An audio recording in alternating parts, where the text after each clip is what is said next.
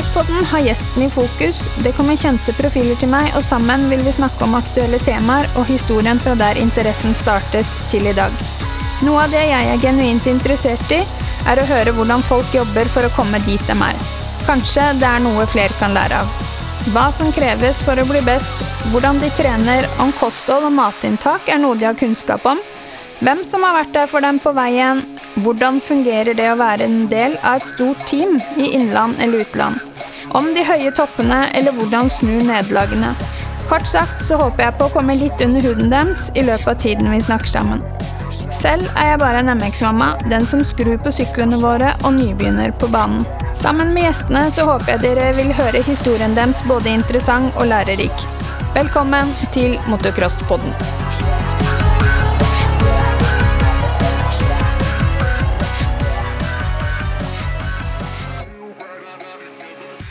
Takk for at jeg fikk lov å komme hit til Ullevålseter i dag. Eh, Jeg har jo på veien opp hit kjørt meg bort, opp i Nordmarka. Eh, Ble ringt etter og bare 'Hvor er du?' Ja. Men eh, jeg fant nå fram til slutt, og nå sitter vi i, på Ullevålseter sammen med sykler og på landets Ullevålseter. Jeg er kjempebæra for å få lov å komme. Jeg ble nesten litt sånn starstruck når jeg fikk SMS fra deg. Eh, Jeg har prøvd å komme i kontakt med deg tidligere, men eh, det er eh, Du har sikkert vært for opptatt. Du har jo litt på agendaen. ja, det gjelder å ikke gi seg, vet du. Så går det til slutt. ja. Nei, det funka. Og så nå sitter vi her. Så tenkte jeg litt at jeg skulle høre med deg eh, historien din. Når er det starta? Hvordan starta det? Oi, ja det, Nei, det starta vel egentlig her oppe på Ullevålseter, da. Så jeg er født og oppvokst der oppe. Det er jo en gård, da, for dem som ikke veit det, som ligger fem kilometer inn i skogen innafor Frognerseteren, altså nord for Oslo sentrum, da. Så her eh, er det kafeteria og sånne ting. Og går det skiløy skiløyper om vinteren ut og inn. Og så er det veldig mye turister som går på tur om sommeren, og særlig om høsten og sånne ting. Så um, født og oppvokst her oppe, og mm, var litt sånn Emil i Lønneberget-opplegg her, altså. Så jeg fikk lov å gå rundt fra morgen til kveld og leke i skogen og klatre i trær og De visste jo veldig sjelden helt hvor jeg var hen. Selv om jeg egentlig bare var 200 meter rundt Ullevålseter, så, så, så kunne det jo skje ting, og jeg lærte jo fort det med konsekvenser. ikke sant? Så Hvis jeg klatra et tre eller en sånn der liten fjellvegg, for å si det sånn, så skjønte jeg ganske tidlig i alder at uh, hvis jeg detter ned nå, eller det skjer noe nå, så er det ingen som finner meg. Nei. Og uh, ja, sånn begynte det. Og så fikk jeg um, først en sånn liten tråsykkel. Grifter heter det. Det er en liten BMX-sykkel, husker jeg var utrolig stolt.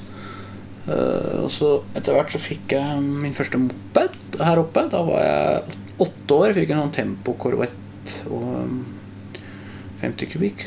Og Ja. Fikk lov til å crosse rundt hjørnet her og sånn når det ikke var folk her og sånne ting. Mm. Um, jeg hadde en pottehjelm på huet, det var liksom det eneste. Da, så det var greit. Og så ble jeg eldre og eldre og hadde flere og flere mopeder. Og hadde en sånn verksted bortpå her. En sånn snekkerbu, egentlig. Mm. Så mm, Men jeg fikk ikke lov å kjøpe motocrossykkel. Å nei. Nei, så selv om jeg kjørte rett i lårveggen her borte og knakk beinet da jeg var 15 år, så, så fikk jeg lov å fortsette å kjøre moped her Ja. oppe. Men uh, fikk ikke lov å kjøre motocross da, for det, det var farlig, da. Ja, det var på Mente fatter'n, da. Men eh, det mopedgreiene uten beskyttelse, det var greit. Jeg tenker en liksom litt mer på kubikkstørrelse, størrelse på sykkel og sånn, da, eller? Nei, jeg hadde en eh, Etter hvert når jeg var eh, 16 år, så hadde jeg en gammel gatesykkel som jeg fikk starta. Det var 700 kubikk, da. Oi. Det var jo livsfarlig, ikke sant.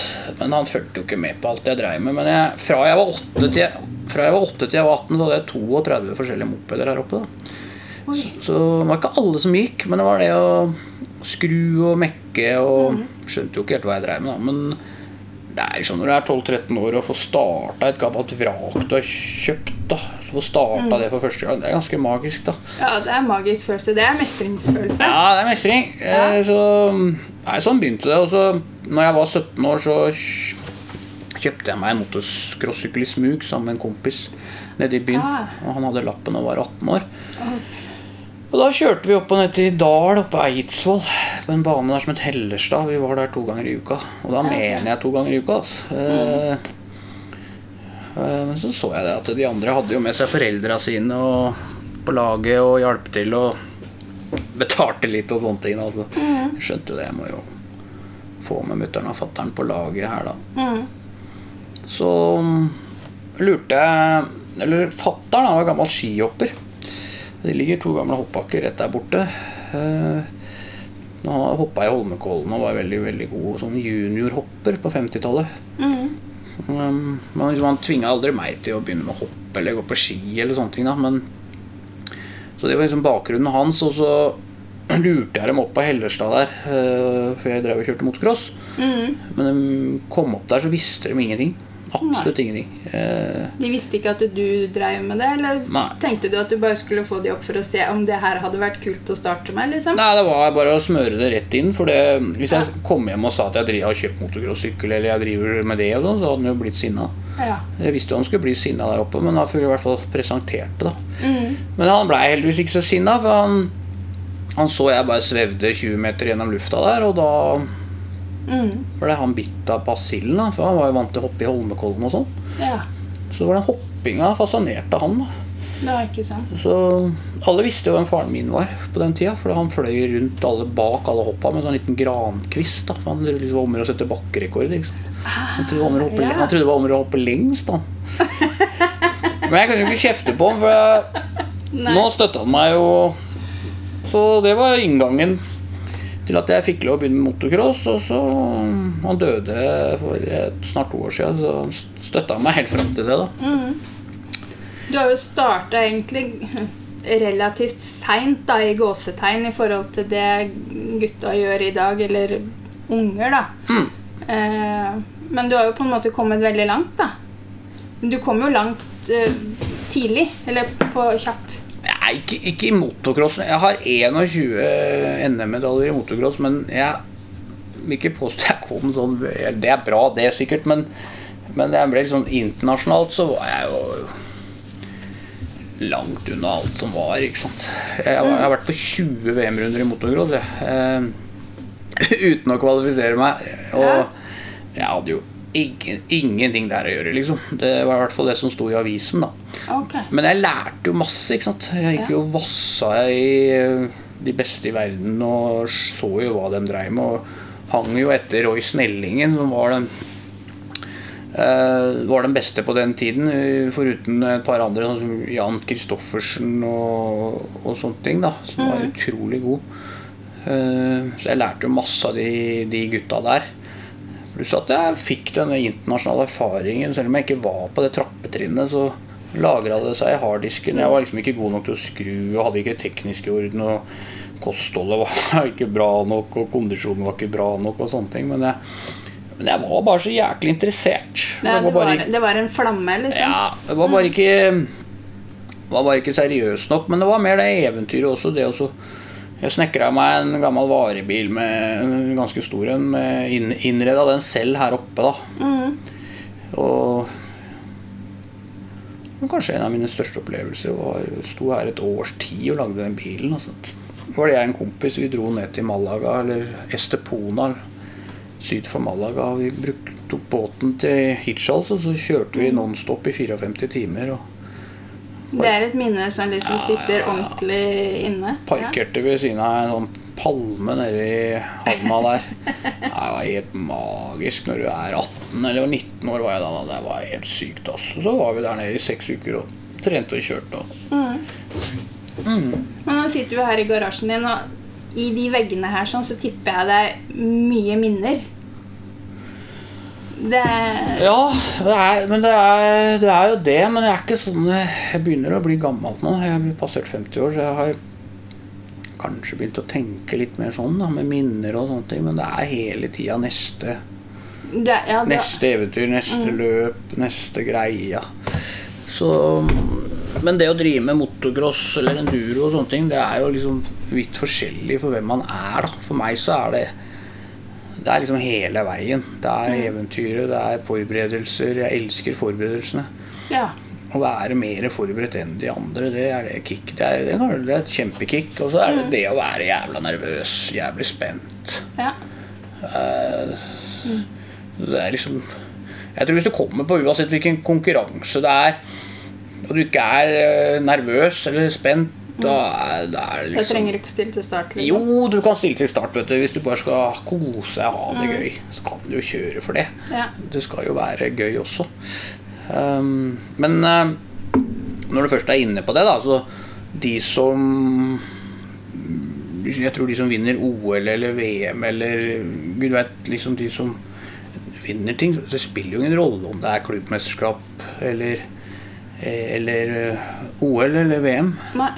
I andre Den spenningen er like høy hele tiden. Ja. Nesten. Og hvis den ikke er det, så tror jeg ikke du Da tror jeg du har et problem hvis det er, hvis det er vinne du har lyst til, da. Ja, ikke sant? Ja. Men det trenger ikke være det. Dette er jo for alle og enhver. Mm.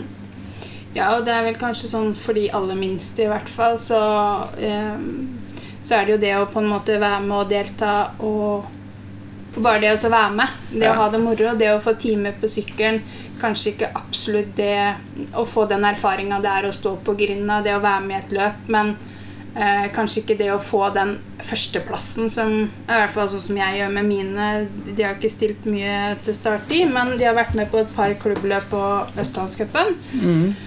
Og det jeg fokuserer på, kanskje, da, det er vel mer det med å få erfaringa. Det å ha det moro. Så får heller prestasjonene komme når de blir eldre, når de Ja, på en måte ja, blir mer reflekterte rundt det, da. Men du har jo et kjempeansvar, du òg, da. Tenk om sykkelen ikke går, da. Å, Da må herregud. den bli kjempeskuffa og lei seg, da. Ja, vet du hva, Jeg var så svett jeg, på den tekniske kontrollen. Jeg var så svett. Fordi at det var sånn her, livredd for at det var noe som ikke hadde smørt opp, at bremsene funka, at alt av lager var i orden. Ja, det var liksom Jeg fløy som en sånn der hodeløs høne rundt den sykkelen med en gang de kom. altså. Ja. Men, men jeg, når jeg, med en gang de sa liksom 'Den er ok, det er bra', så var det sånn der, åh, yes, endelig. Nå er det bare guttungen som Mm. på en måte skal kjøre og kose seg. Ja. Han er åtte år, da. Så, um, så ja, det er jo et, et um, Og det er jo sånn hvis jeg glemmer å fylle bensin på sykkelen hans i løpet av et pass, og vi kjører, han står midt utpå der Da er han fly forbanna, liksom. ja. Han er klin gæren, altså. Det er klart, det. Å, herre, mamma, jeg skal ikke kjøre! Da står han der helt gæren. Ja. Så han har um, Og han har kanskje litt av den samme som deg. Han er overalt og alle steder og har den flammen i seg, da. Og vil gjerne lære alt. Kjøre, kjøre, kjøre, kjøre. kjøre. Først på banen, sist av banen. Kjører i alle pauser. ja. Sånn er han. Ja. Så det, han er det liksom bare om å gjøre å sørge for at han har en sykkel som funker, på en måte. Mm. Eh, men du sier jo det at det, eh, du fikk jo med deg faren din, eh, og han er vel Er det han som på en måte har betydd mest for deg på veien? Ja, det er det. Det er jeg begynte med Ja, han har hjelpa meg økonomisk eh, i store perioder. Når det kneip litt. Eh, men så er det det at jeg begynte med motocross, og så gikk jeg på enduro. Det er jo greit nok, men så begynte jeg med rally. Mm. Og da den, Det er jo ikke representativ for resten av motorsporten da, når det gjelder skader og dødsfall og sånne ting. Nei. Og, og da er det jo viktig å ha støtte hjemme. Ja. Sånn at eh, når du drar på tur og ikke helt er sikker på om du kommer tilbake, så er det jo greit at vi, du har den støtten. ja, for det er liksom det Kall det det ultimate av alle grener, på en måte. Det som på en måte er mest farlig, og som er mest Ja, det er sikkert andre ting som er like farlig, da, men det er litt stygge tall akkurat i, i Paris-Dakar. Men eh, For meg så er det det ultimate, men for andre så er det jo ikke det i det hele tatt. Nei. Så det er, alle er jo forskjellige og har forskjellige mål og interesser. da. Mm. Men du har jo vært med noen ganger i Rally Dakar, da. Ja, Jeg har vært med tolv ganger, så Ja. Det har eh, vært, eh, vært interessant, det, altså. Men jeg tror eh, Det er jo mye prat om hvis du skal eh, Hvis du skal trene for å bli god, da, eller nå noe sånne ting, så er det liksom det snakk om hvordan man skal gjøre det. Men det er jo det er, Jeg tror det der ordet interesse er veldig viktig, da. Mm. Ja, de fleste er jo interessert i å kjøre den motorsykkelen, men du må jo være interessert i hvordan den fungerer. Du må være interessert i at eh, transporten for å komme dit du skal, eh, eller bilen din går. Du må være interessert i å pakke bagen din. Du må være interessert Det er ganske bredt, dette greiene her. da. Du må være interessert i å kanskje vaske denne sykkelen òg, ikke sant. Du må gjøre I utgangspunktet så må du kunne alt og gjøre alt selv, da. Ja. Og det, og det du kanskje ikke klarer sjøl, det kan jo være, kanskje være å åpne en motor og dele den i to og skifte bærelager og sånne ting. Da må du Da må du ha noen til å, til å gjøre de tingene, da. Men er det forskjell på Det er jo, du har jo, det er jo forskjell på en endurosykkel og en crossykkel, men er det forskjell fra enduro til en eh, rallysykkel også? For jeg, vi sitter jo og ser på de nå, og de er jo ganske mye større enn Ja, endurosyklene.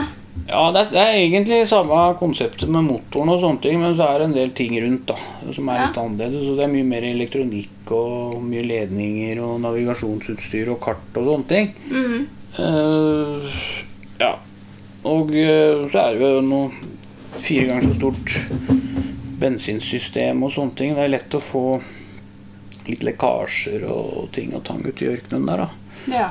Så um, ja. For det er to tanker? Tre tanker? Tre tanker har vi. Så um, det er litt å holde styr på. Så er det når jeg fyller den opp, så er det jo 35 liter, så det blir ganske tungt da når du har først tank. da. Sykkelen i seg sjøl er jo sikkert tungt, og det kartplotter eh, du har foran på styret der også, ser jo ut og Det er ikke noe lettvekts... eh, Nei, men disse syklene har heldigvis da, blitt eh, lettere og lettere. Jeg, har, jeg, jeg, jeg ble verdensmester i 2004, og den sykkelen står på et museum. Og jeg fatter ikke at jeg har greid å kjøre den jernhaugen. Altså. Det er ikke så lenge siden, liksom. Så Nei. det var, den er svær og tung og bælete, men eh, heldigvis så har det gått litt eh, blitt litt lettere og litt kjappere sykler, da. Mm. Men, men er det så hvis du på en måte tryner med det her eh, ute i ørkenen i sand og får, Klarer du å få plukka deg opp, holdt jeg på å si? Klarer du å plukke opp sykkelen og få det på jorda igjen, liksom? Ja, stort sett. Eh, altså hvis du lander eller tryner i sand, så går det jo som regel greit. Men eh, det er jo hvis det er litt steinblokker og harde veier og sånne ting, så går det jo litt hardere utover sykkelen. Men det, liksom, det verste vi gjør, er å kjøre oss fast i sanddyner. Ja. Så sykkelen Det er jo ofte halve sykkelen er nedi sanda. Og da går det ikke an å løfte den opp, for det greier du ikke. Så da må du ha noen teknikere for å bikke den fra side til side og, må grave litt og styre Ja. om litt. da. Ja, for du er, når du er der ute, så er du der sjøl. Du har ikke noen som på en måte kan komme og hjelpe deg. Der er du aleine. Uh, jeg er aleine der og da, men det kan, eh, vi, vi kan få hjelp av konkurrenter og sånn. Ok. Ja da. Uh, og så er det til syvende og sist så har vi noen knapper vi kan trykke på for å tilkalle helikopter eller hjelp, da. Ja, okay. Men da er du ferdig, liksom. Ja, Da er det over, så du er i utrolig trygge hender eh, på litt noen, av- Kanskje noen av verdens mest øde steder, da. Ja, ikke sant? Ja. Det er jo ikke akkurat eh, midt i Oslo sentrum vi snakker om. Nei, jeg, jeg kjørte Jeg har jo kjørt i Sahara og Atacama-ørkener og gud veit hvor jeg har vært. Men det verste var kanskje gjennom Gobi-ørkenen i Kina. Brukte sju dager igjennom, og da er det liksom Da er det greit å ha noen knapper å trykke på. Du vet at hvis det skjer noe, så kommer et helikopter. Ja. Eller hvis jeg Eller hvis jeg tryner, så er det en sånn en knapp som eller blir utløst av seg selv. da Hvis okay. Krasjer. Hvis jeg ikke greier å trykke selv. ja, ok. Så- Er det innafor et gitt tids... To minutter. Ja. ja, ikke sant. så kommer det hjelp i løpet av en eller annen gang. Ja, ja, ja. Men du har jo kjørt i Africa Race også. Hva er forskjellen egentlig på de ehm, Nei, Africa, ja, nei, Africa Race for meg, det, er, det kaller jeg Birkebeineren. Det er litt sånn eh, avdanka gamle Dakar-kjørere. Eller så er det folk som, unge mennesker som skal opp og fram og til Dakar. Da. Ok. Så det er veldig mange de har kjørt mot de siste åra på Africa Race, som jeg har fulgt med på Dakar, Dakar nå de siste åra. Ja, ikke sant? For da Det er 700 mil, og da I gamle dager gikk eh, Dakar i Afrika. Eh, Det var rundt 1000 mil, da. Mm. Men i 2009 så ble det flytta til Sør-Amerika. Og Ja. nå går det i Saudi-Arabia, har gjort det i to år. Men nå kjører jeg jo Africa Race der jeg kjørte Paris-Dakar fra 2002 til og med 2007. Så nå kjører jeg i de gamle spora gjennom Afrika, men jeg er der også mest fordi jeg elsker Afrika. Ja, Jeg elsker eventyr. Komme ned i Marokko, Vest-Sahara, Mauritania, Senegal. Mm. Som vi kjører nå, da. Men eh, før så var vi inne i Mali og Burkino Faso og Guinea og sånn, men der hogger de med huara akkurat nå. Ja, det er, det er ikke om å gjøre å tryne mest der, liksom. Nei, vi må holde oss unna der, da. Ja. Men eh, Nei, jeg bare elsker det, også. Og så har jeg en, en, en barneskole i Dakar som ligger inne i slummen der, som jeg har gitt penger til og besøker en gang i året. Jeg har gjort det siden 2015, da. Mm. Så det syns jeg er helt fantastisk å komme ned dit og møte alle barna og Mm. surre rundt på skolen der en, um, noen timer. Og så, så sender jeg penger, og så pusser opp skolen litt og utvikler litt og sånne ting. Så det er vel egentlig et lite litt eh, samvittighetsprosjekt, kanskje. Har liksom brukt så mange millioner på å kjøre gjennom Afrika i noen av verdens fattigste land uten å kunne gi noe, da. Ja, ikke sant. Så det er vel egentlig det der. Så Nei, det er, det er givende å komme ned der. Møte folk som har så lite, som er så blide. Ja, og det er gjerne de som har minst, som har eh, Som er mest blid. Ja, nei, det er Faktisk. bare helt magisk. Det, det er det. Hvilke egenskaper tenker du er greit å ha da, som person hvis du på en måte skal stille til start i et, sånn, eh, et av de to løpa? da?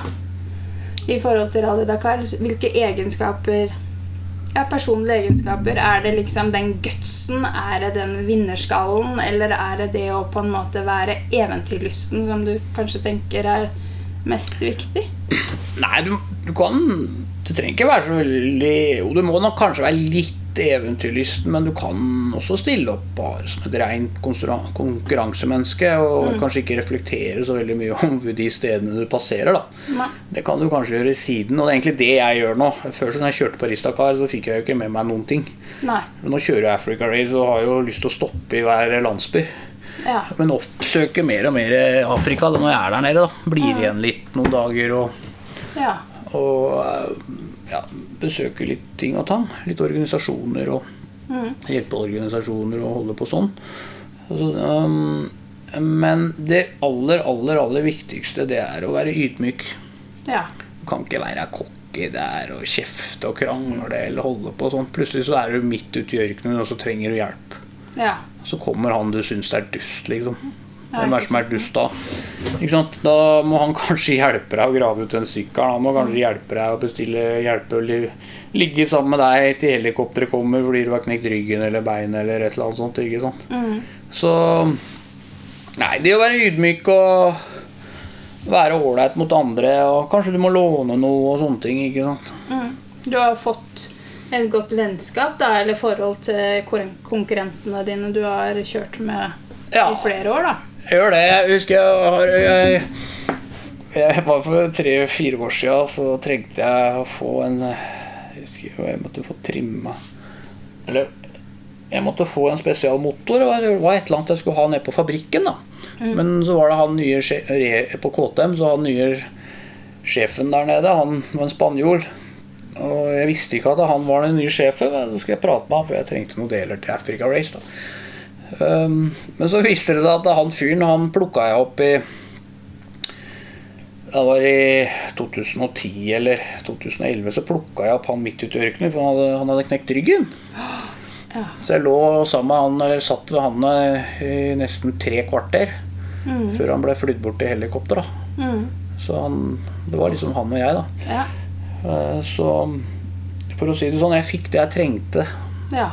på KTM der av han, da. Ja, det Så det er sånn der fantastisk eh, vennskap, samhold, og, og du kan komme med hva du vil. Um, jeg stilte til Jeg kom ned i Marokko i 2004 på den ene VM-runden. Da hadde jeg en gammel Toyota pickup jeg hadde lånt her oppe Ullåseter av fattern. med en sånn gammel, sliten tilhenger. Og jeg kjørte sju døgn ned til Marokko der. Kommer inn i depot der. Og um, parker mellom lastebiler og fabrikkjørere og alle sammen sånn. ikke sant? Det er jo ingen som løfter øyebryna engang. Det er ingen som ler eller disser deg eller prater. ikke sant? Alle er flotte. Respekten for hvem som kommer ut av den ørkenen, Ja. det er det ingen som veit. Hvem er det som kommer først ut av neste sandstorm? Ikke sant? Det kan være han derre som ser ut som en raring og Mm. Øh, Og det gjør jo jeg, da. Eh, men allikevel så det er, det er bare flott. Det er ingen som prater noe vondt om hverandre og sånne ting. Liksom det jeg tror hvis man er, er, prater vondt om hverandre, så er det fordi man er veldig usikker selv. Mm. Man har liksom ikke noe Kanskje ikke så gode holdepunkter selv her i livet. Nei. Tenker jeg først jeg tenker da. Ja, ikke sant. Nei, det, det, det er jo noe i det du sier der. Og jeg må jo si at i crossmiljøet så vil jeg jo si at det har vært Vi har jo blitt veldig godt mottatt og Ja. fått mange venner, og ungene har fått venner, og det er jo Kommer du i depot eller kommer på, på en bane og du mangler noe, eller du står der, så er det alltid hjelp å få, da. Mm. Og så miljøet i seg sjøl vil jeg jo si er utrolig bra, da. ja, det er kjempebra. Så, Så- så det er jo også noe Grunnen til at eh, alle blir så engasjert, tror jeg. da. Du blir dedikert da, til både miljøet og til sporten og til det, det du driver med. da. Ja. Så er, men likevel en- allikevel så er det crossen når det kommer litt opp i nivåene, da. Når det liksom begynner å bli snakk om å vinne norgesmesterskap eller EM eller VM og sånn, så er det, det er litt sånn som å gå i bokseringen med den starten, ikke sant? Ja. Og foreldra står og Dem er jo mer stressa enn utøvere, ikke sant? Ja. Så det kan Det kan bli litt eh, temperatur, men det er kanskje bare i positiv retning uansett, da. Så, men det er, det er, crossen er, den er brutal der, da. ja, den er det. Ja. Ja, nei, ikke, ikke sånn Alt er hyggelig og sånn, men Jo, altså, det, er, det, er, det er en høy spenning pga. den starten. Ja. ja, jeg husker jo det sjøl den ene gangen. Og jeg, jeg tror jeg var mer eh, elektrisk eh, og mer spent i magen og sommerfugler enn det guttungen hadde. Og Grinda datt ned, og han kjørte ikke, og jeg sto der bare Men kjør, da, for faen! Ja, Men så kan det hende at så- noen eh, dulter borti ungen din. Ja, og så, og Han hadde jo sider for langt fram, så Grinda datt jo ned på forhjulet. Ja, ja, ja. Så da var det bare å dra guttungen tilbake og bare dytte av gårde. Nå kjører du! Nei, altså det, er det, kommer jo, det er jo ting som skjer der ute. ikke sant? Det er kanskje noen som dulter borti en av ungene dine, og så han hvelver, og Ja, ja, det er så er det noen andre som gjør det. Da må du bare holde deg helt rolig, da. Ja, det var det, da. Ja, du må jo det. Det er bare sånn, ting skjer, da. ikke sant? Det Ja. så, men i en enduro, da, som jeg begynte med etter crossen, der er det egentlig litt annerledes som regel. Det er fellesstarter der og kan være, men det ofte så er det sånn etappe, så vi starter Mm. og én. Ja. Så er det gjerne en transport ut i første transport Nei, første fartsprøve og sånn. Mm. Så vi starter kanskje kanskje- starter kanskje bare Men i hvert fall når vi kjører, så er det liksom én og én, da. Mm. Og da blir det en litt sånn annen atmosfære også, da. Den får Ja. ikke den toppspenninga før starten, liksom. Nei. Det er liksom bare den ene utøveren, så Der går det liksom enda Det er liksom enda mer bedagelig, i hvert fall. Sånn, for du har ikke det der start, startmasse. Ja, nei, jeg ser jo det at det det er jo mange som eh, tenkte jeg skulle gå innom det, fordi at det er jo veldig mange som går fra motocross til enduro når man gjerne blir litt eldre. Ja. Eh, er det pga. Eh, utfordringer, mer utfordringer, trene mer teknikk, eller hva, hva er det Nei, det hvorfor, hvorfor tror du folk Nei, altså en Enduro krever jo som regel litt mer utholdenhet. mm, Sant? Og motocross er jo Der trenger du jo være kanskje bedre sånn øh, O2-en må være høyere, da. Hvis, hvis du er litt, er litt på et nivå, da. Og da da må du være i, i utrolig god form. Altså Motocross er jo en av verdens topp tre hardeste idretter. Hvor er det du Hvor er det du liksom har den der makspulsen i nesten en halvtime, da? Du kjører internasjonale løp. Det er, det er jo nesten ingen steder. Så det er utrolig, utrolig tøft. Og, og det å være i så god form er, så er, det er jo litt sånn ferskvare. Du må jo holde det ved like hele tiden. Men nå må ikke de unge bli skremt, altså, for det går jo an å kose, Ja, ja, ja. seg med dette på sånn, Men jeg tenker på de som, Virkelig satser, ja. ja, som satser litt da, her hjemme. Og, så, og da er det naturlig, det er det over hele verden, å gå over på enduro. For det, da er det kanskje en fartsetappe på, som er kanskje tre til sju minutter. da. Og da er det lett å takle det når du kommer fra motocrossen. Der du er vant til å holde på i 20-30 minutter. ikke sant? Ja. Men så går det litt an på utholdenheten, for det varer kanskje 7-8 timer noen av disse løpa. ja. Med transport og etapper og sånne ting. Og ja, så Ja, det var litt andre egenskaper, og kanskje være litt Litt eldre også, da. Det sier seg kanskje litt selv. Og liksom, du, en runde kan jo være Du kjører kanskje tre runder på åtte mil, da. ja. Og du er aleine i åtte mil i skog og fjell og tjo og hei og gjennom byer og Pluss at du må ha På de store, eller på de fleste løpa så må du gjerne ha et sertifikat. Ja, ikke sant. Mm. Ja. Men så har du andre løp igjen som kanskje er litt mer sånn motocrossaktig, sånn som Gotland Grand National og Renneslett og mange av de der klassikerne der, da. Så nei, det er eh, Altså enduro, det er jo for meg det er, eller det er, det er jo alt mulig rart. Det kjøres jo over verden i alle fasonger og varianter som du bare kan tenke deg, liksom. ja, ikke sant.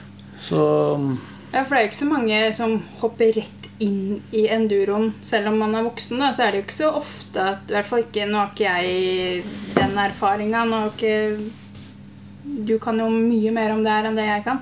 Men jeg har liksom ikke sett så mange som kommer rett inn i enduro. De kommer fra enten cross eh, som oftest, eller noen kommer fra trail, da. Men det er vel kanskje ikke så mange, det heller. Uh, nei, nei det, ja, det der også er tør jeg nesten ikke svare på. Det er veldig mange varianter. Men i hvert fall, hvis vi begynner med det ene, du nevnte trail. For det, det er veldig mange av mange av, de, mange av de gode da kommer gjerne fra trail. Ja. Uh, Den balansen og den uh, sykkelferdigheten, drar med seg den Mm. eh, Særlig inn i enduroen, da. Mm. I motocross også, for de som har, de som har hevda seg der, da, dem, da må du begynne egentlig ganske tidlig. Ja. Du er ganske ung der Ja. i forhold til altså en, en motocrosskjører kan jo være verdensmester når det er 17-18-19-20 år og oppover. sant? Ja, apropos Håkon Østerhagen i går Ja, ble jo junior-verdensmester. Ja, helt rått. Helt fantastisk. Ja. Så ja, det var litt av en prestasjon. Ehm, han, må bare, han må bare stå på, stå på videre. Skulle ønske at eh, man kunne få enda mer oppmerksomhet. Det, det som er problemet både i Norge og andre land, er jo når du er junior, så er det vanskelig å få oppmerksomhet. Sånn VG, Dagbladet, Sportsrevyen. De dekker jo ikke juniorer i det hele tatt. Nei, de, jeg syns jo de dekker svært lite motorsport i det store og det hele. Det er jo ikke, Ja, det- det er jo ikke mye av det. Skal, er du interessert, så må du liksom inn på en av disse abonneringskanalene, da. Ja, den burde dekke flere motorsportløp, men da trenger, trenger vi også arrangere flere løp her hjemme som har litt status, kanskje. Og så ha utøvere som, som eh, er på høyt internasjonalt nivå, da. Har vi noen av de her nå i dag? ja da, vi har jo eh, Særlig på motocrossen så har vi jo det. Så, men det som gjelder seg også der, er jo at gutta er flinke til å eksponere seg selv. Ja. Altså til pressen. Ikke Ja. bare Instagram og Facebook. Altså, her må det sendes pressemeldinger, gode bilder. Mm. Litt sånn som du gjorde i starten. Det er, jeg har holdt på sånn hele tiden. Ja. Eh, For hvis ikke så hadde jeg jo ikke kunnet kjøpe motorsykkel. Nei, For det koster jo relativt eh, en god sum med penger. Ja, for hvis ikke jeg hadde vært i aviser og TV og sånne jevnlig over eh, snart 30 år, eller i hvert fall ganske lenge, så hadde jeg jo ikke hatt mulighet til å drive med det. Og det er jo ting jeg egentlig ikke liker å drive med, egentlig. Holde på sånn, men ja, altså, hvis, så har jo vært mye apekatt for å få det til, da. Mm. Jeg har jo snakka med noen av de som har vært gode, og eh, noen av de er jo ikke så gode på sosiale medier eller sånne ting. Og så har jeg liksom spurt om hvorfor. Nei, alt jeg vil er jo å kjøre sykkel. Jeg vil ikke drive med data og sosiale medier og sånn. Jeg vil kjøre sykkel, jeg. Det vil jeg gjøre. Mm. Men så er, føler jeg at de sosiale mediene er veldig bra, men det er, dem hjelper deg da kanskje inn mot uh, motorsykkelindustrien. da.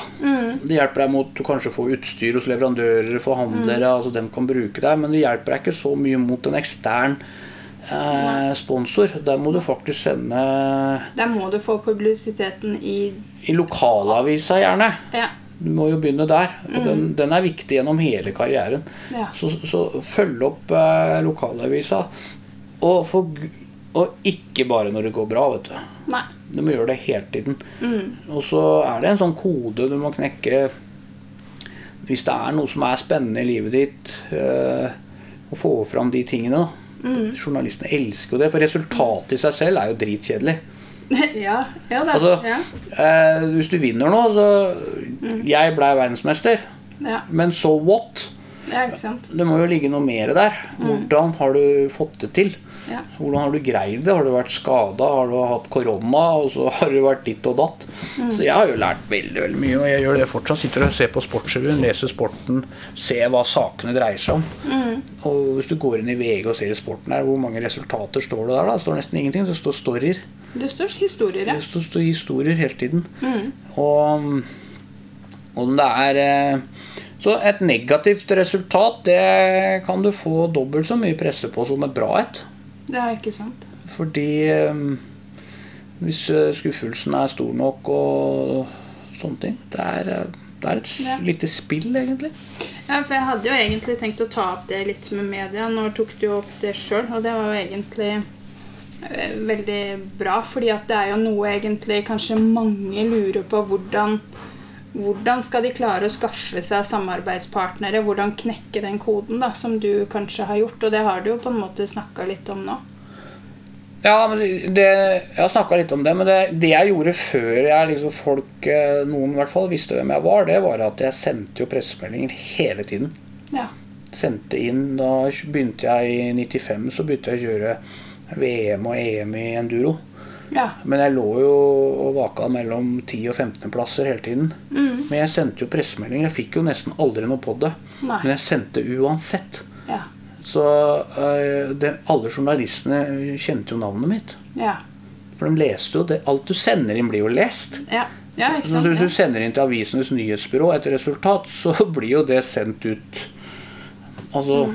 det er mange journalister som leser det i småavisene rundt omkring. Og i hvert fall i din lokalavis. Men øh, hvis du da plutselig de ser at du kryper oppover på listene, Ja. så veit de hvem du er.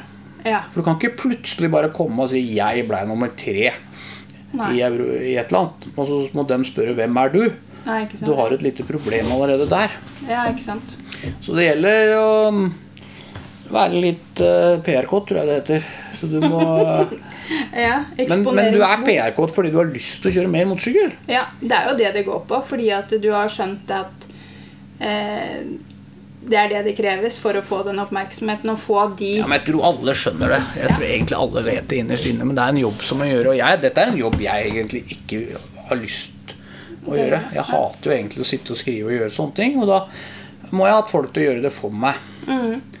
Det kan ha vært eh, ja, eh, ja. Men det må jo være dine egne ord. Det må være din egen story. Det kan ikke bare være mor eller far som eh, sitter og skryter av ungen sin. Nei, Det funker nei, aldri, for å si det sånn. Nei. Det som skjedde egentlig på 90-tallet, var det at jeg sendte pressemeldinger, sendte holdt på resultater og hva jeg hadde blitt og sånne ting. Det var veldig sånn der stakkato.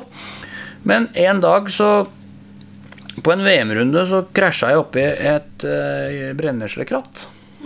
Jeg bare dro på ryggen oppi der da, og krøyp ut av det brenneslekrattet. Og så greide jeg også å få det inn i den eh, pressemeldingen, som er helt utrolig dårlig pressemelding, sikkert.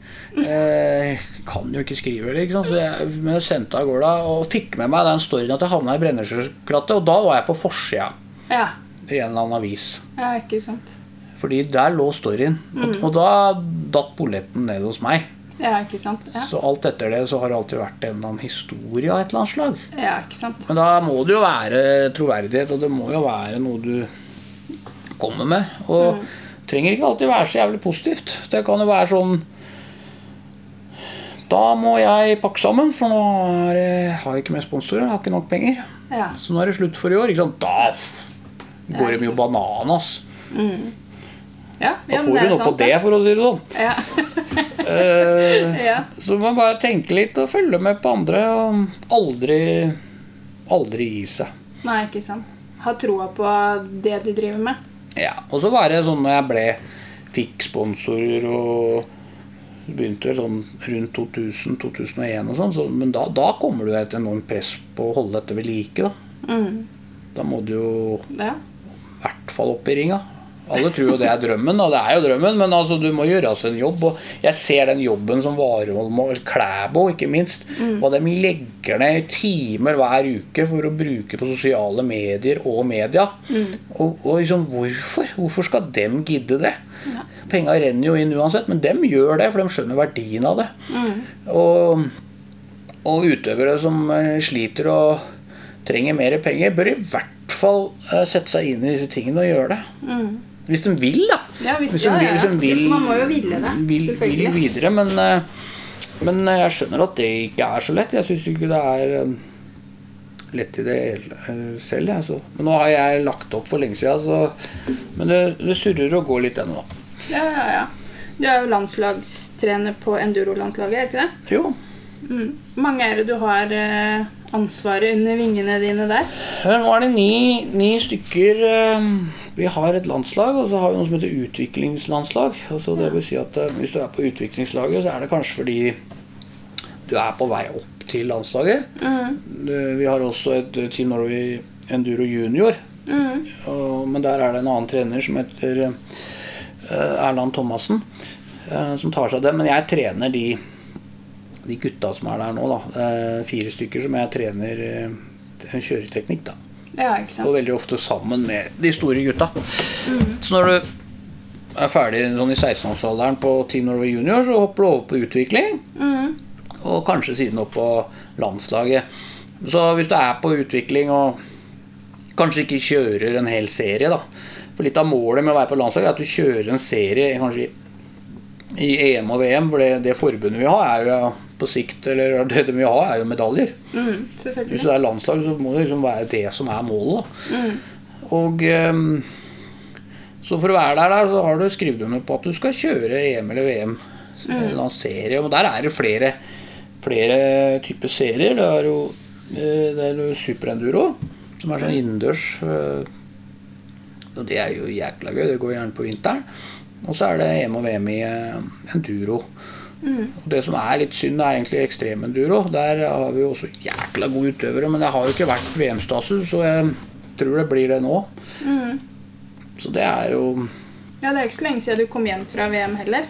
Nei, vi var på VM i, VM i Sverige. Der var det Der var det fem, fem nordmenn.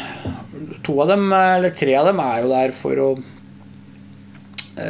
De kjører det hele tiden. Mm. To var der for å Var der for første gang for å få liksom Kjenne litt, på ja. det, liksom for å prøve seg å kjøre EM siden, da. Mm.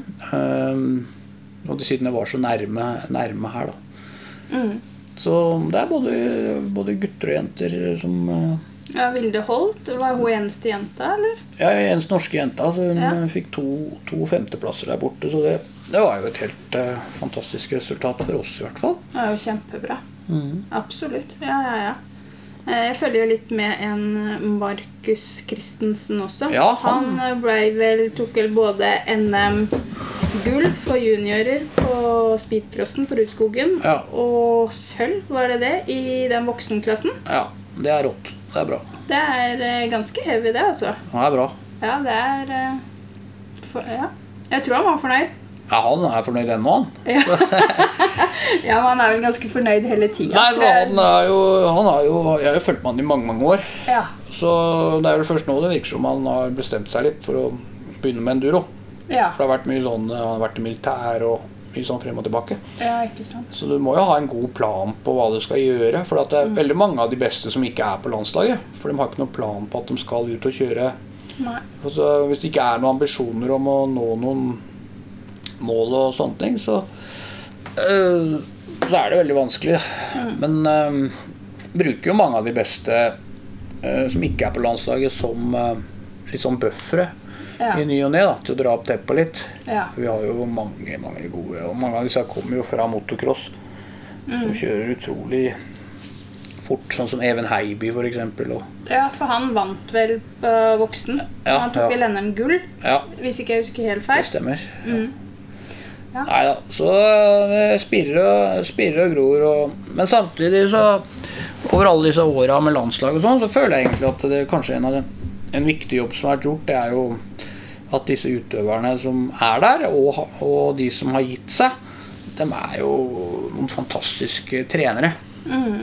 Så jeg skulle jo ønske at eh, flere av klubba, for det er noen som gjør det, men flere av klubba tok kontakt med disse utøverne og fikk dem til å komme og trene klubbene sine. da. Mm. Ja, For de er utrolig dyktige. Altså. Så eh, jeg tror ikke det koster all verden å og få dem hit en dag eller to i ny og ne. Nei.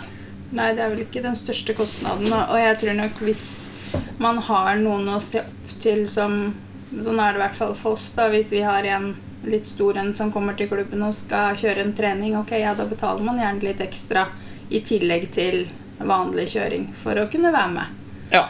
Så Så nei, jeg oppfordrer klubba eller team eller et eller annet til å ta tak i noen av disse ja, jenter og gutter som er der og har vært der, som sitter med en enorm kompetanse. Men eh, noen av dem er litt sånn litt beskjedne, da. Ikke sant? Ja. Så de trenger å få en telefon. Ja, ikke sant? Men eh, kapasiteten der er eh, enorm. Ja, ikke sant? Ja, for jeg regner med du er ikke på land, du er ikke hele landslagsadministrasjonen holdt jeg på å si alene. Du har vel med deg noen andre trenere, fysioterapeuter Nei, vi har, eh, vi har eh, han Erland Thomassen som har en, eh, en, Han kommer fra skiskyting og har gått på idrettshøyskolen og har, kan masse om ernæring og fysisk og Mm. alt det greiene der. Ellers så bruker vi Olympiatoppen med leger og så når, vi er eh, det, så det er jo utrolig luksus hvis vi har folk som har problemer og sånne ting, og bruker legene på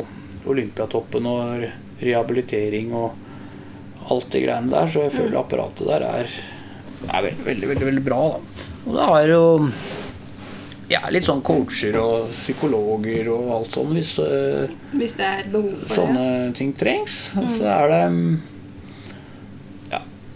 så, har vi opplæring på litt sånn mediegreier og sånne ting. Men det vi driver med nå, egentlig, som vi kommer til å ta enda mer harde tak i, det er også å kunne presentere seg selv. da. Ja. Det å kunne stå og få snakke til en sponsor, eller gå på en scene og holde et sånt lite innlegg om seg selv. ja. Jeg, jeg tror eh, hvis du ikke gjør det, eller ikke greier det, så klarer jeg ikke helt å se hvordan disse guttene og jentene som har lyst til å bli veldig gode, da, hvordan de skal greie å overleve helt. Nei. Nei, ikke sant? For det må du faktisk noe- gjøre, altså. Ja, ikke sant. Eh, For å være på Og det gjelder jo egentlig alle, men du må jo jobbe med det mentale. Har dere noe fokus på det spesielt på landslaget, liksom? Det å på en måte kunne klare å nullstille seg etter et løp, eller du har eh, tryna, eller du har hatt et nederlag, da. Hvordan man klarer å nullstille seg og på en måte legge den bak seg og egentlig bare se fremover? Eller er det noe som kanskje ligger naturlig for veldig mange? Det er begge deler. Så vi har, eh, vi har henta en hjelp til de som eh, trenger det, med de tingene du nevner nå. Ja. Men eh, eh, Ja, det er veldig varierende, altså. Men det er Men så er det også det at hvis du har gjort grundig nok forarbeid, da. Mm. Men det er jo ikke så lett når du er på vei oppover, men, for da er du jo i den prosessen. Men hvis du har gjort Hvis du trener det du skal, og det er jo det som er grunnmuren, det er jo det som gir deg styrken oppi hodet, da. Mm. Gir deg selvtilliten. Hvis du har eh, Hvis du liksom Hvis du tar ja, over lang tid da, trener og gjør, gjør den jobben som skal gjøres, så blir du jo mentalt sterk. Ja. Mm. Så, så det gjelder å ikke gi seg, da. Så Det er ikke sant. Men alle er jo skrudd sammen litt forskjellig. da. Så det er veldig interessant å drive med dette. Ja, ja absolutt. Og jeg syns den, den mentale biten og sånn coaching og sånn er jo jeg egentlig Ja, forberedelser det syns jeg er veldig spennende. Det er jeg sånn genuint interessert i. Nysgjerrig på er det vel kanskje lett eh, mer riktig å si, liksom. Så jeg, det er jo det mentale, hvis jeg, hvis jeg går på meg selv, da, hvis det er lov. Eh, så det med forberedelser altså Hvis jeg har gjort alt jeg kan Altså Jeg står jo inne i det rommet her og pakker for å dra på et, et løp jeg kanskje har brukt en million kroner på. Altså Hvis jeg glemmer en skrue som er skrudd til, eller jeg glemmer en slangeklemme, eller jeg glemmer å pakke med meg et eller annet, og står midt ute i ørkenen, så er jeg jo liksom Hva gjør jeg da? Ja. Eh, Så forberedelser er alt. Og hvis jeg i tillegg kan finne noe som konkurrentene ikke har tenkt på, ja. og, og, og klare å lure dem ut på et eller annet der, og føler som gjør meg føle meg sterkere. Og, det, og der, det ene punktet jeg fant der når jeg begynte med rally, det var jo rett og slett real turmat. ja. Maten. Så når jeg dro på ørkenen, så hadde jo jeg med meg to, 200 pakker med real turmat. Spiste ikke noe annet. Nei. Det gjør det fortsatt ikke. For det første så jo, får du aldri diaré og sånne ting. Du får i deg den næringen du trenger. Har ikke mekanikere som er sjuke. For den får den samme maten. Slipper å stå i matkø klokka halv fire om morgenen en time mens jeg liksom bare har varmt eller koker varmt varmt vann, og så pff, ti minutter så er jeg ferdig med frokosten og spiser, spiser eh, sånn der jegergryte eller hva det er, storfegryte. Ja. For å få i meg nok. Um, oppe hver time hele natta spiser real turmat. Kanskje bare seks-sju timer i, i um, depotet. Og så det, det andre som gjør meg sterk, det er alltid å være tidlig ute. Mm. Aldri komme for seint. Hvis du kommer presis, så mener jeg at du er egentlig altfor seint ute.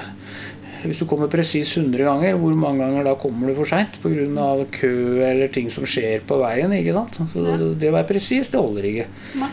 Eh, Pluss at hvis jeg alltid er tidlig ute Det kan være en dag eller to på en, et løp. Eller det kan være en halvtime på en eller annen trening. eller noe sånt. Da får jeg alltid tid til å snakke med de beste. Ja. Jeg får snakke kanskje med han lokale som er kjent i området. Jeg får snakke med banesjefen. Mm. hva har skjedd her? Hva er liksom, jeg, jeg, får jeg den gode informasjonen som de andre da kanskje ikke får. Mm. Det um, har hjulpet meg veldig mye. Det å være ute i god tid. Ja, ikke sant. Eh, sånn i forhold til Du har jo vært med på 'Mesternes mester', og jeg har jo lest eh, Jeg har googla det. Nei da. Jeg har det. Men eh, der var det jo noen som beskrev deg som en vinnerskalle. Eh, Hva er, det du legger, hva er det du tror de legger i det? Er det forberedelser? Det å være sterk mentalt? Det å kunne være stille forberedt, liksom? Ja, nå var det jo bare vinnerskaller innpå der, da. Så Ja, men du vant. Ja ja, men det var bare Altså, alle var jo skrudd sammen like gærent eh, der. Alle vil jo vinne. Og, Ja. men, men det man, man kommer der inne på konkurransearenaen, så det er, det, er, det er så detaljfokus vet du, at det er helt vilt. Så de som arrangerer der, altså hvis de gjør verdens minste tabbe innpå der Ja. med en av øvelsene, og dette er de nøye på. De har med seg folk fra Olympiatoppen til å måle opp og avgjøre, ja. og, for det blir bråk, vet du. Du kan tenke deg hvis feil eh, Jeg husker vi skulle kaste boccia ja, på 'Mesternes mester'. Altså, det var OL i boccia, jeg lover deg. Altså, det er veldig spesielt å varme opp en halvtime før du skal kaste boccia. Altså, det er helt vilt, liksom, men det er bare Det er, det er Og det er jo det Det var litt det jeg tror jeg sa før i stad. Altså, det spiller ikke noen rolle for de vinnerskallene hva konkurransen går ut på. Nei. Det spiller ingen rolle. Det er like alvorlig hvor i hverdagen det er, bare det er en konkurranse. Ja, jeg, jeg, jeg bare ser for meg inni hodet dere står der og varmer opp Jeg skal ut og spille bort.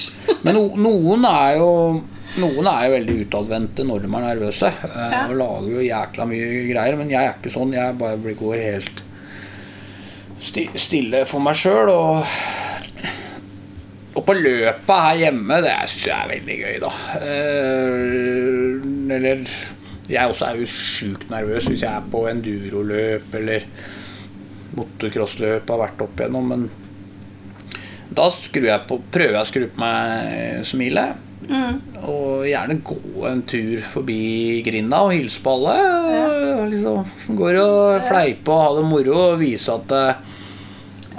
Her, her er jeg rolig, her har jeg helt kontroll på. Jeg. Jeg er jo sant? dritnervøs, ikke sant? Eh, men det skal jeg jo være. Men det er også min Ja. måte å slappe av på, i stedet Ja. for å bare sitte der og trøkke og være nervøs, for du skal være nervøs. Ja. Og du må tåle å takle nervøs. Mm. Syns han Henrik Kristoffersen ja, som var så veldig fin når han sier at eh, Han også sier jo det at uh, han spyr jo, han. Mm. Veldig ofte før Han kaster jo opp før renna. Før start. Mm. Og det har han innsett at det kommer han aldri til å slutte med. Nei. Det er ikke noe du får bort. Nei. Så du må Bare omfavne det Og når du blir så nervøs, og du har slurva med forberedelsene, Mm. hva skjer da?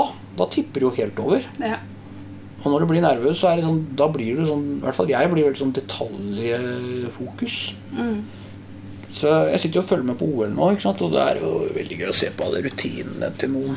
De har jo noen rutiner som bare er helt syke, liksom. Det er, eh, hvis ikke det er i orden, da tipper det jo helt over. Så det er jo ikke bra, det heller, da. Nei.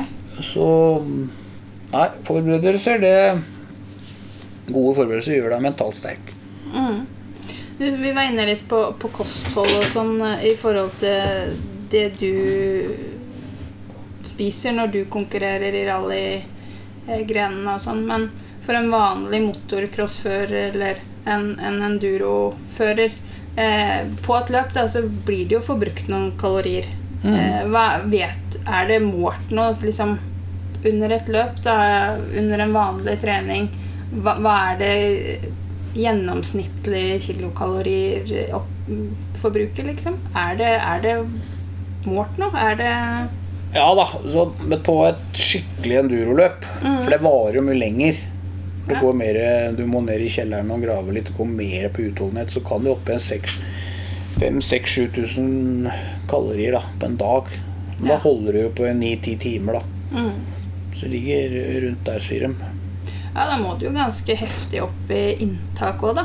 Er, er det noe som de er bevisst på? At, de, at ikke de går på McDonald's og spiser en Big Mac, liksom, men at de spiser fornuftig, Ja, god mat? Ja jeg syns de, er- har kommet seg veldig, og de utøverne er veldig flinke på det. Altså. Så er det i enduroen, der må du kanskje spise ting som holder litt lenger, da, litt tyngre mat. Ja. Så du kan gjerne, for min del gjerne spise en god middag klokka seks på morgenen. altså. ja, ikke sant? Ja. Men det er liksom det er, liksom, det er ikke noe som slår havregrøten. Nei. Du kan spise skikkelig god posisjon havregrøt klokka åtte på morgenen, og den varer til klokka to. Ja. Og det er det lite andre mat som gjør, så Mm. Sånn pasta og sånn, det er mer sånn motocross-mat, føler jeg. Det er Ja. litt sånn kjappe greier som ikke holder så lenge, men du er lett å finne i kroppen og Mm. Ja, sant? tas opp raskt, da. Så mm, er Der er det litt, litt forskjellig, men jeg skal ikke gå noe særlig inn på det med kosthold, for der er jeg jeg er ikke god nok til å snakke for dypt om det, da. Men um, i grove trekk så er det litt sånn som jeg nevner. Ja, ikke sant? Ja, nei, jeg bare har lest et, Det er jo lenge siden Og Olaf Tufte, han, han eh, forbrukte vel 12 000 kalorier i løpet av en dag. Måtte han ha i seg for ikke å gå i underskudd. Ja. Og, det, og de må jo på en måte De må ikke opp dit, men eh, hvis du bruker 5000-6000 i løpet av en dag, så burde du jo opp i en 8000-9000 kalorier. Ja, men det er, ikke, det er ikke I noen sammenhenger så er det ikke like lett. Sånn som når jeg er på rally, eller du er på Vi skal kjøre jo enduro som er sånn six days, seks dager, da. Så Mm. du skal jaggu ete mye, ass. Men når jeg er på rally, og det er som verst, så får jeg det ikke i meg. Nei. For jeg har så få timer å gjøre det på, da. Mm. Men er det sånn at du på forhånd i forberedelsene dine, så er faktisk mat en del av forberedelsene dine? Kanskje å spise deg litt opp, både i vekt og muskelmasse? Eller? Ja. Fordi at du det tærer på både kroppsfettet ditt og muskulaturen under løpet? Ja. Ja.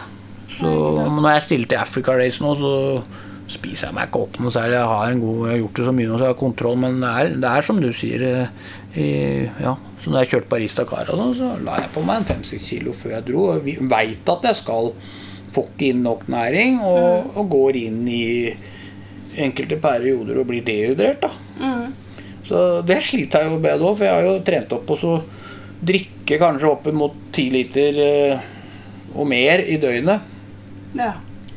Det er Eh, ja, det er jævla mye. Og eh, går jo Ja. Og, men så problemet er jo at jeg har jo dratt med meg det hjem til hverdagen, ikke sant.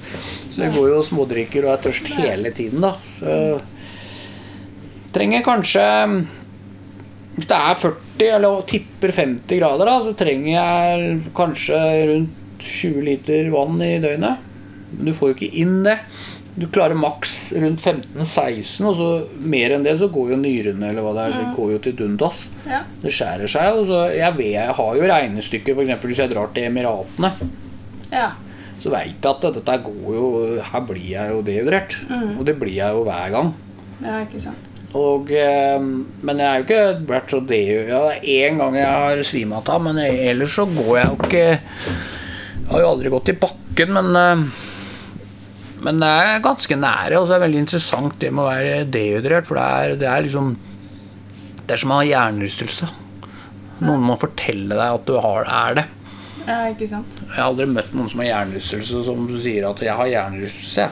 Nei. Det er legen eller noen andre som har fortalt deg gjerne, selv om du har slått deg i huet. Ja. Men jeg merker jo det når jeg er dehydrert, og så det går utover synet. Ja. Så hvis du, hvis du vrir på hodet sånn, hvis du vrir hodet fra en side til en annen, så henger blikket litt igjen. Ja. Altså, det, altså Bildet er ikke like skarpt hele tiden. Nei. Da er det Og så er du sulten. Du må ha mat og drikke nå. Mm. Da er du gjerne dehydrert. Og det tar tre-fire døgn før du er oppe og går igjen. da Mm. Det er jo ikke sikkert du får tid til det hvis det er er så varmt. Men det, det er ikke bare varmen, det er luftfuktigheten. I Dubai så er det kanskje 40-45 grader, og så er det 80 luftfuktighet. da Mm. så jeg har kjørt eh, rally der ni ganger, og to av gangene så har folk omkommet pga. varmen. da. Det er ikke sant. Ja, det er jo ekstremsport, egentlig. Uh, ja, og uh, det er, jo det, vi, det er jo det vi driver med. Jeg har enorm respekt for motocross og enduro og alle disse her greiene. Og jeg tror alle må skjønne at uh, det er ikke ufarlig det vi driver med. Så det å ufarliggjøre det, det, det skal vi ikke gjøre. Nei, men allikevel så hadde, når vi først starta med dette her, så hadde jeg innbilt meg at det var mye mer skader enn det det egentlig er. Men når det først skjer noe, så er det kanskje da mer alvorlig. Ja, og det er som du sier, det er jo utrolig få skader, men vi må ikke eh, se oss helt eh, blinde på det. Vi må ha den respekten hele tiden for at ting kan skje. Det er eh, Hvis du mister bremsene, f.eks., så så du har jo et kjempeansvar, da. ja, Ja, ja, og passe på at bremsa virker. Hvis ikke så går du jo rett fram inn i et eller annet. Et, inn i et eller annet. Ja. Så det er eh, Vi må aldri Nei, det glemme det, selv om det ikke har vært eh, skader, eller vi har vært skada, eller andre har vært skada, eller Så vi må ha Vi må være på hugget hele tiden, da, for at ting kan skje. Det gjelder klubber, arrangører og foreldre og, og vi som kjører, da. Ja, ikke sant. Så absolutt. Du snakka litt om det. Nå ser jeg egentlig at tida løper. For Vi har jo Ja, snakka prat så. Hæ? Ja, jeg prater litt mye, Ja, kanskje. men nei. Det, det er jo det som er bra. Eh, vi har jo egentlig vært med og innom egentlig de meste temaene som jeg har eh, satt opp. Eh, eneste vi på en måte ikke har snakka så mye om, er det Six Days Enduro-løpet. For det er Ja. liksom Er det eh, i forhold til enduro, er det løp over alle løp, liksom? For det er jo ganske heavy. Ja, Six Days, det er, eh, det er kanskje i enduro det er, det er det største du kan For noen, da, så er det noe av det største du kan være på. Så det, det er jo sånn fører, fører så har du vel kanskje veldig mye ansvar sjøl, både for servicer og transportetapper og alt. Ja, det er andre regler på Six Days enn det er på EM og VM og andre typer løp, egentlig. I hvert fall de fleste andre løp, for at du må skru og ordne alt selv. Ja. Så du kan få hjelp til å fylle bensin, eh, bremsevæske og eh, kjølevæske. Eh, resten må du greie sjøl. ja. Og eh, gutta kommer, og jentene eller hva det er, kommer inn på service, og eh, så er det et eller annet som mangler og må byttes, så må du faktisk klare det selv, da. Ja. Det, det, og det er jo kanskje mer innvikla enn det et vanlig løp er, men da må du jo på en måte ha, ha hatt den interessen av å kunne skru sjøl. Skjønne hvordan dette fungerer og henger sammen også. Sykkelen, Ja. altså. Og eh, jeg tror eh, Det er gøy å kjøre motorsykkel, men jeg tror det er viktig også, hvis du skal holde på med dette lenge, å være, Vil være interessert. Mm.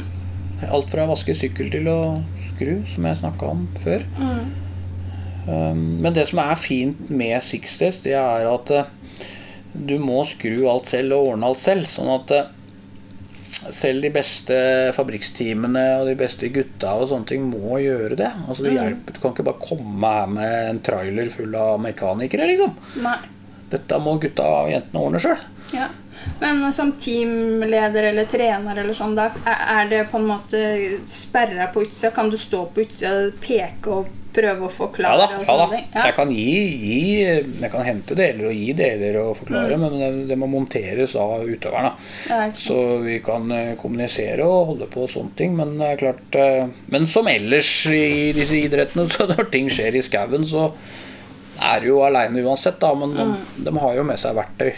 Ja. Verktøy på seg og sånne ting, men så spørs det hva som er i da. Så det gjelder jo å være, være smart eh, og ikke dulte borti ting og bøye pedaler og slå hull i motoren, ikke minst. ja, den er kjip. Ja, det skjer. Det er vel kanskje det kjipeste. Ja, det er fort gjort å få slå hull i et eller annet. altså. Men øh, jeg tenker at øh, vi kan begynne å avrunde. Ja. Det har vært eh, utrolig flott og lærerikt og morsomt eh, å få lov å komme hit. Det har vært morsomt å se egentlig hvor det starta for deg. Se på syklene dine, ikke minst. Hvilke beist det er. Mm. De er jo superstore. Så jeg vil egentlig bare takke for tida og, og muligheten for at jeg fikk komme hit og prate med deg. ja, fantastisk. Veldig hyggelig å være med. Tusen hjertelig takk. Ha det bra.